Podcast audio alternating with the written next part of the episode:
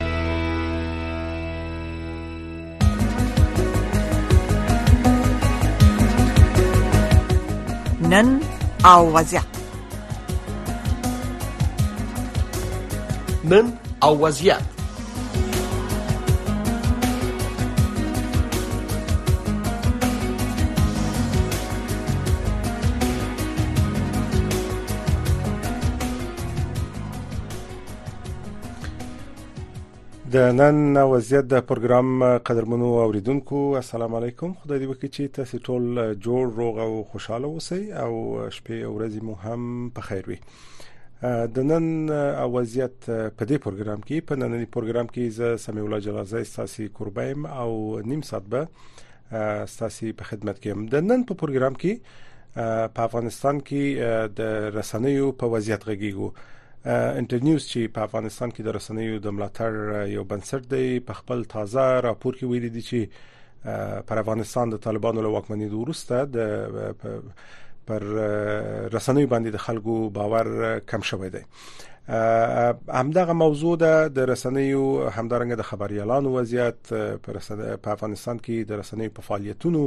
او د رسنۍ په وړاندې په خندونو له محترم میلمه سید شینواری افغان ژورنالیست سره خبرې کوو شینواری صاحب ګڼ کلونه په افغانستان کې پر رسنیو کې کار کړی دی او د رسنیو کارونه فعالیتونه حتی تعقیبوي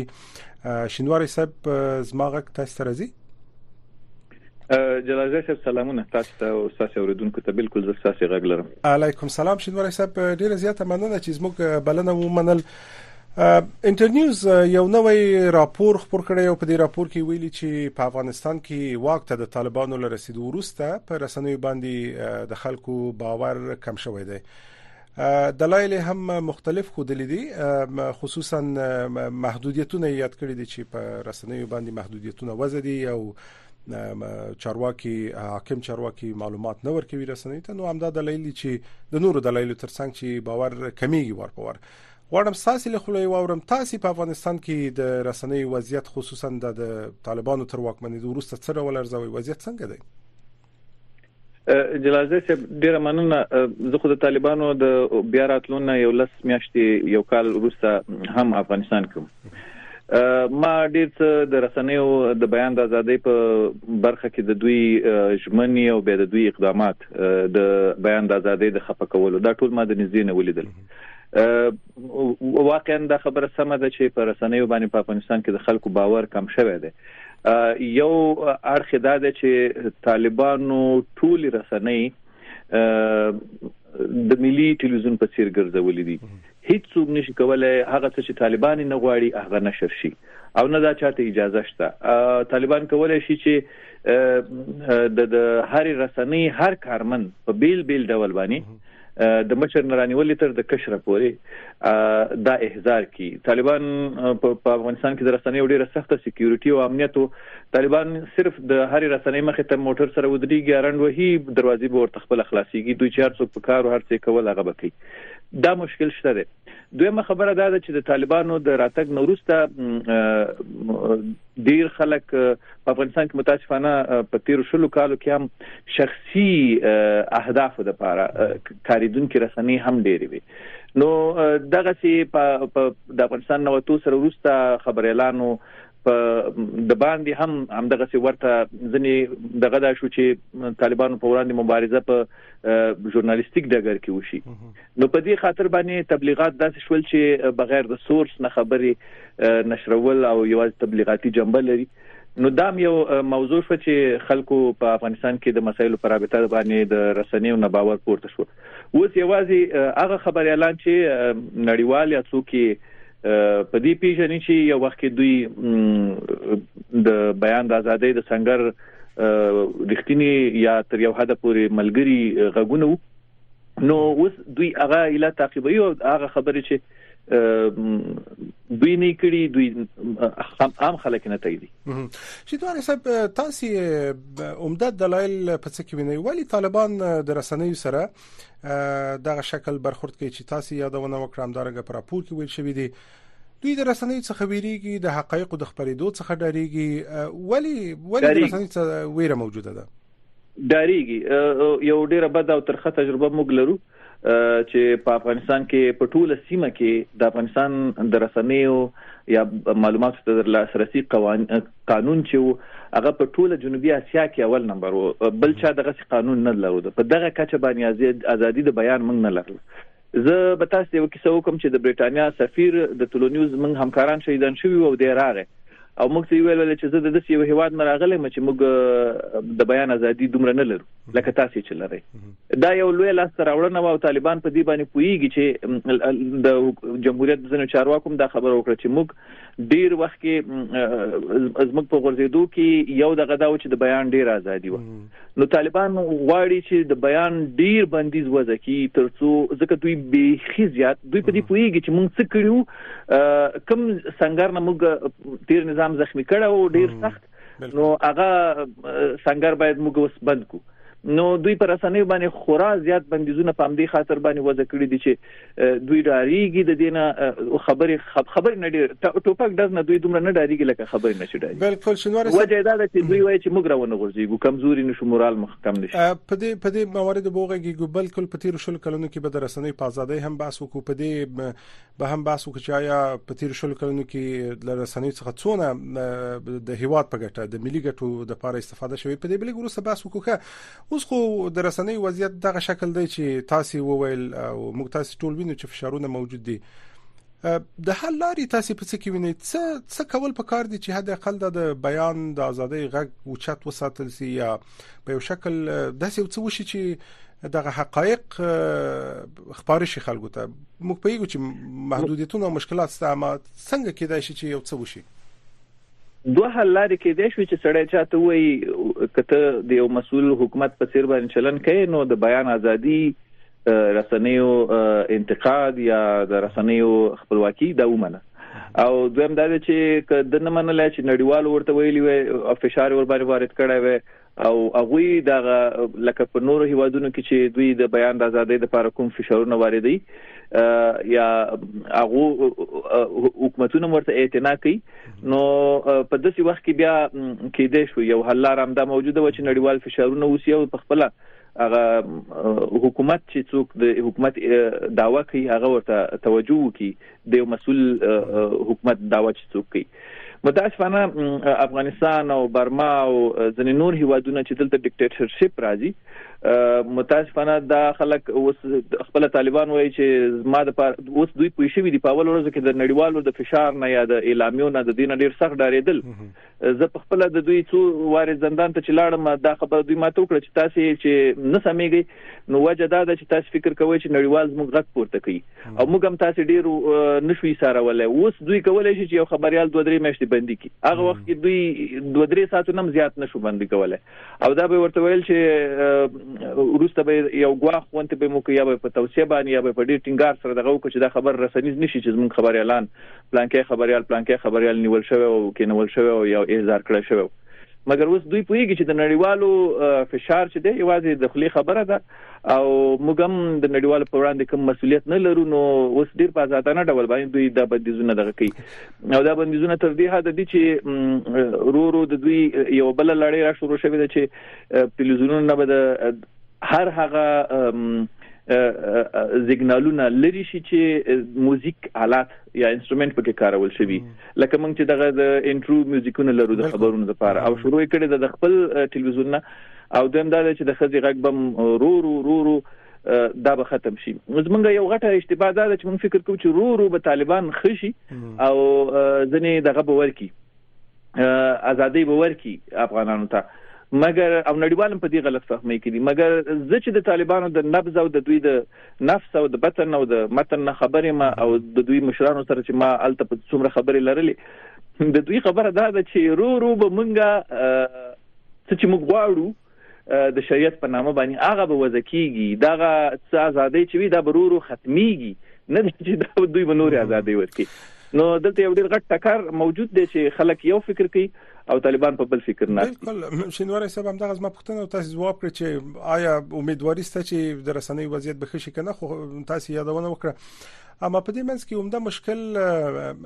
شنوار صاحب دغه رسنۍ خصوصا خصوصي رسنۍ چې افغانانو پانګونه کړې ده او بیا په دې رسنیو کې ګڼ شمیر زموږ ساسي همکاران افغانان التخوندي ورونه کار کوي او دوی د دې لارې څخه د خپل فامیلونو ملاتړ کوي خو دغه وضعیت که خرابېږي نو د دوه خبريالانو وضعیت او د دوی د کورنۍ حالت به هم خرابېږي اوس خو دوی بیچارهګان بل کارم کولای نسی او کارم نسته په افغانستان کې دا بخپل بیا حکومت یو بوجي جلال زی صاحب کومه مسله کې طالبانو دا مسولیت احساس کړی دی چې موږ وایو چې ګواکې دوی په دې مسله کې ګوره 15 15 لک او 40 زره مهاجر پاکستان را شړل دی او نړیوال سازمانونه هم دا چغي وي چې نوینه تر د 95% پورې خلک د سرپناه د لوګي د دې کډوال ستونزې سره مخ دي او د طالبانو چرته هم پینه ده خراب دا مسله دا ده چې طالبانو ته دغه ځنې شیان هیڅ مسؤل دغه نه لري دوی وایي اوس زیاتره وخت کې چې مثلا په لومړیو کې دوی موسیقاران سندري بند کړي او موسیقي باندې کلک بندیز ولګو وایي چې هر څه کې د لوګي نمبر یو کدر چې نمبر مال لري نو خبره دا ده چې دوی وایي چې هغه څه چې زه نه منم هغه به نه کې نور زما دې سره کار نشته چې د چا واقع به څه دي او واقع به چیر څه دي موږ پام نه کوو شینواری صاحب مننه اوس خو په افغانستان کې دغه سیدی وضعیت او امیدواري هم ظاهرا نسته چې وضعیت بخې کیږي په بهر کې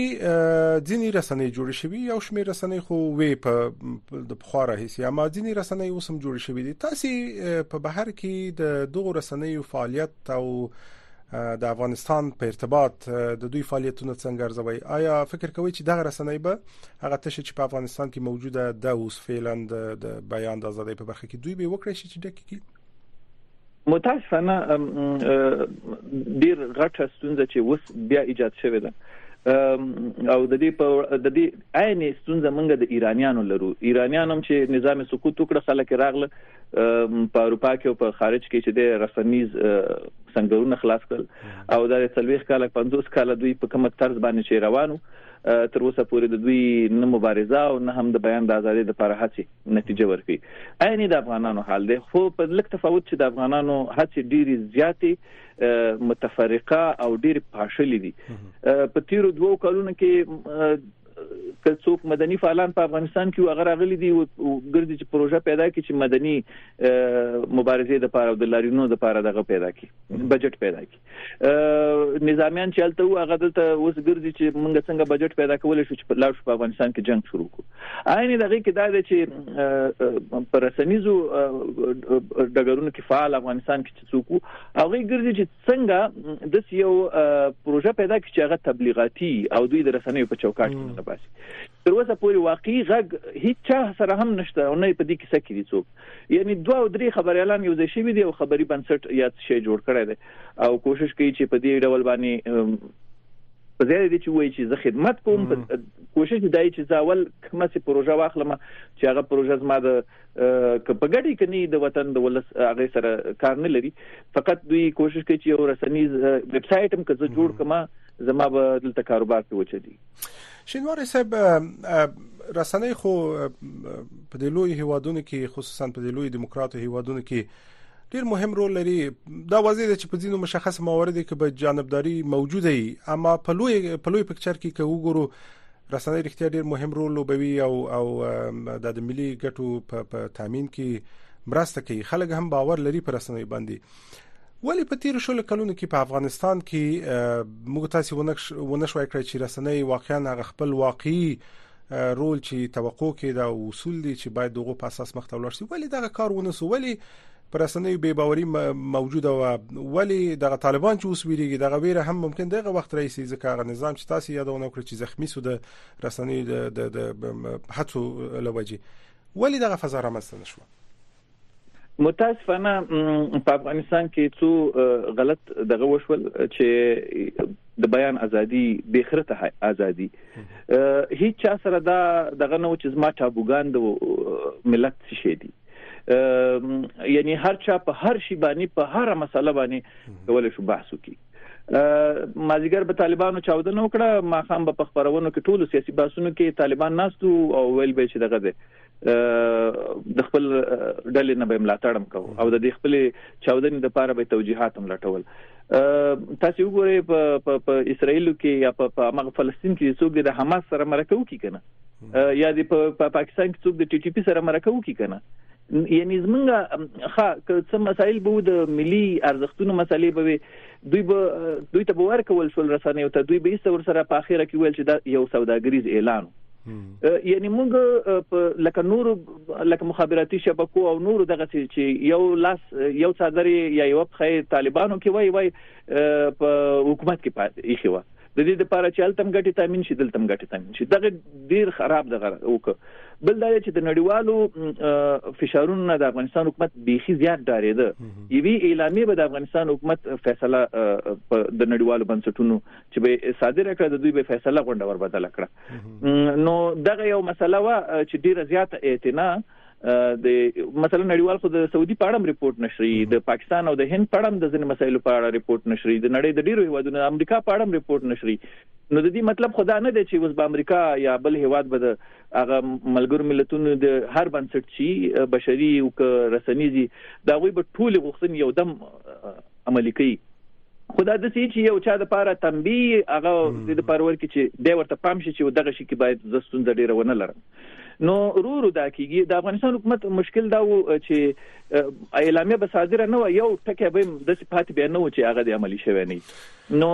اوس طالبان په کیسه کې نه دي مګر هغه وخت به دومره په کیسه کې و چې هر یو ټکی به لوستل کېده او هغه به عملي کېده نو مسله دا و چې نړیوالو فشارونو ډیر ډارېدل رسنۍ هم ډیر به حد زیاتې زړورې شوې او تر ټولو بل غټه مهمه خبره دا و چې په افغانستان کې وارلارډان او چې و جنگ سالاران دوی تر ډیرو دوی د ځان لپاره رسنۍ جوړې کړې او تا نشو کولای چې د هغه ځکه د وارلارډ رسنۍ وته پاغه باندې څه کړی وي یا د هغه سره د قانون حساب کړی وي ما یو وخت په مخابراتي سکتور کې هم ومه چې د حکومت تنظیم کو نو څو د وارلارانو یا جنگ سالارانو دغه داسې وو ټلویزیونونه رسنۍ چې تقریبا 15 لش 14 کال د فریکونسي دغه نو ور کړې فیس نو ور کاو دا برېښنا بلونه او د وړي خبرې دي د فریکونسي فیس نو ور کړې بالکل شنوار صاحب دغه سي د اصلا په افغانستان کې سید چې رسنۍ په تیر شل کلونو کې د افغانستان یو لوی لاسته راوړنه بلل کېدل اما موږ تاسو رښتیا د دغه سی واقعیت شاهدان یو او دغه واقعیت د دې باعث ول چې حتی حتی ویل کېږي چې د رسنۍ د افغانستان د نظام په سقوط کې هم مهمه او لوی ونډه لري او غټه مسله دا و جلال زی صاحب چې واقعي رسنۍ او د پلوي رسنیو سره خپل خط معلوم نکړی شو یعنی مثلا زه به وازی وازی نمونه واخلم د جنرال رشید دوستم د رسنۍ رسنۍ چې و داغه و سار به چې د جنرال دوستم څه نظر وو ما خام سار په مغه رسنۍ کې مغه نشر ده نو هغه بم سبا ما سره په خبر اعلان منځ کې ناستو کسان دي نو کو دغه مسله وا چې موږ خاتون سره معلوم نکړه د بیان د ازادۍ خو به کڅو کوی چې به طرفانه زه دغه کومه د بیان د ازادۍ څنګه خو معلوم دی کنه خو په افغانستان کې خودسي وو چې خبره دا و چې جنگسالارانو پخوانۍ مورچې تړلې وي او د بیان سنگرونه خلاص کړیو او پاغه کې بچارت کېدل سسار بچ د دوستم کرزي سره ولیدل خوشاله بشو رسنۍ به د حامد کرزي په پلوه سبب چې خلیلی د دغه سره کرزي سره خفه شو یا اشرف غنی سره بیا به غونډه رسنۍ د نظام ضد غږی ده دغه مسلې وی اوس بالکل پښتنه دغه ده چې ولی حکومت په دې ونه توانې دی چې همدغه څه چې تاسو یادونه وکړه د دې شي مخنیوي وکړي آیا حکومت کمزوري وو جنگ سالاران زورور وو که بهرنۍ مداخله هم وي په دې منځ کې یو خو جنگ سالاران په ځان ته په هر شي کې په ډیره غوخنه دغه باندې قایلیدل درېمه خبره ده چې نړیوالو فشارونو خبره درېمه ده چې دغه خبريالانی یا همدا رسنۍ د صحیح رسنیو سره په یو ټغر کې ناشتي او نه چا که د خبريالان خلکو شړلې وي نور رسنۍ ولا او ورسره خط معلوم کړي وي هم ډیر و کنټرول راغلی وي خو هغه مونږ شو په عین شکل باندې چې زه د هیڅ یو دغه جنگ سالاران جنگ سالار د پاره ما کار نه کوم خبريالي مې کوله زه هم په یو ټغر کې نسم دیو بنسټ نه د خبريالانو د ملاتړ بنسټ نه ما سره خبره کېده او د ده سره هم کېده نو مشکل دا و چې ته خپله سوچ وکړه ته کولی شي چې د یو چا د یو وسلوال یا وارلارډ یا د جنګ سالار وسلوال ځان سره په خپل صف کې پرې دی او یا د رسنیو د بیان د ازادۍ په اړه ورسره دا اوس ورسره مرکه وکړي نه شي کولای مګر موږ به دا ځان سره کینولیو زموږ په صفونو کې به دا ناس په افغانستان بالکل شنوار صاحب مختلف عوامل لري رښتیا عوامل زیات چې وی چې وخت کم دی د پروګرام زو یو څو نور پښتنې هم لرم مطلب کوم شنوار صاحب تاسو هم د هواد څخه بهر یاست په بهر کې زیات شمیر افغان خبريالان شته یو تعداد خو لا په گاونډي هیوادونو کې پاتې دي په غو ورسته وغږیږي دغه خبريالان چې په بهر کې دي خصوصا په اروپאי یا امریکایي هیوادونو کې دي د دوی وضعیت هم ناوړه بلل شوی تاسو څه وینئ د خبريالانو سره په تماس کې دوی په څه حال کې دي آیا کاروبار لري روزګار یې خدای کنه متاسفانه خبريالانو د افغانستان نه کوم دویم هنر د ځان سره نه دی راوړی او دا ډیره سخته ده او دا فرنٹ لاین خلکو په افغانستان کې د افغانستان عسكر ته طالبانو دومره په بده سترګه نه دي لیدلي او دا ما خپل احساس کړی دی په د دولس لاسو میاشتو کې په افغانستان کې چوم دوی ویل ک دا رسنیو نه هر څه نشریدل مثلا جلال زیات دا اوس چې ته هر خبر وای طالبان فکر کوي چې دا خو د امریکا غږ رسنۍ د دا خبر نه دی ورکړی دا خپل جلال زیات دا خبره کوي نو په دې خاطر باندې د هر یو خبريال نه امغمره کرکه لري چې د دې د رسنۍ نه لري او بلکې څو چندې د رسنۍ په نسبت باندې د خبريال نه لري نو دا مسله ده ځکه په افغانستان کې د دوی ژوند تریخ دی او ضرورت دی چې دوی خوندي کړي شي هغه بیل باسونه دي چې دوی څه وکړل یا څه تر نه وشول یا رسنیو نمائندګانو څه وکړل خو دلته په دغه کې په خارج کې د دوی وضعیت دغه د ما تاسو ویل چې دوی اول اقدام دا دی چې په څورته وای نړیوالو فکر کړی دا چې دا براشي هغه کارونه به وکړي چې نور کډوالي کوي مثلا شاقه کارونه او دوی اصلا دوی ځان سره بل کوم هنر د افغانستان نه دی راوړی ځینې کارونه په افغانستان کې د یو دس یو کس لپاره چې مطرح وسی پر سنیو کې یا خامخه سړی لپاره یو سوال یو وخت پورې دغه ذهن نه مني نو د دوه کال لا شي د درې څلور کال چې کیږي او دا سړی به دې ته قانې کیږي هر خبريال چې نه نور کارونه هم د کولو دی باید وکم ترغه پورې د دوی وضعیت وسخنه ده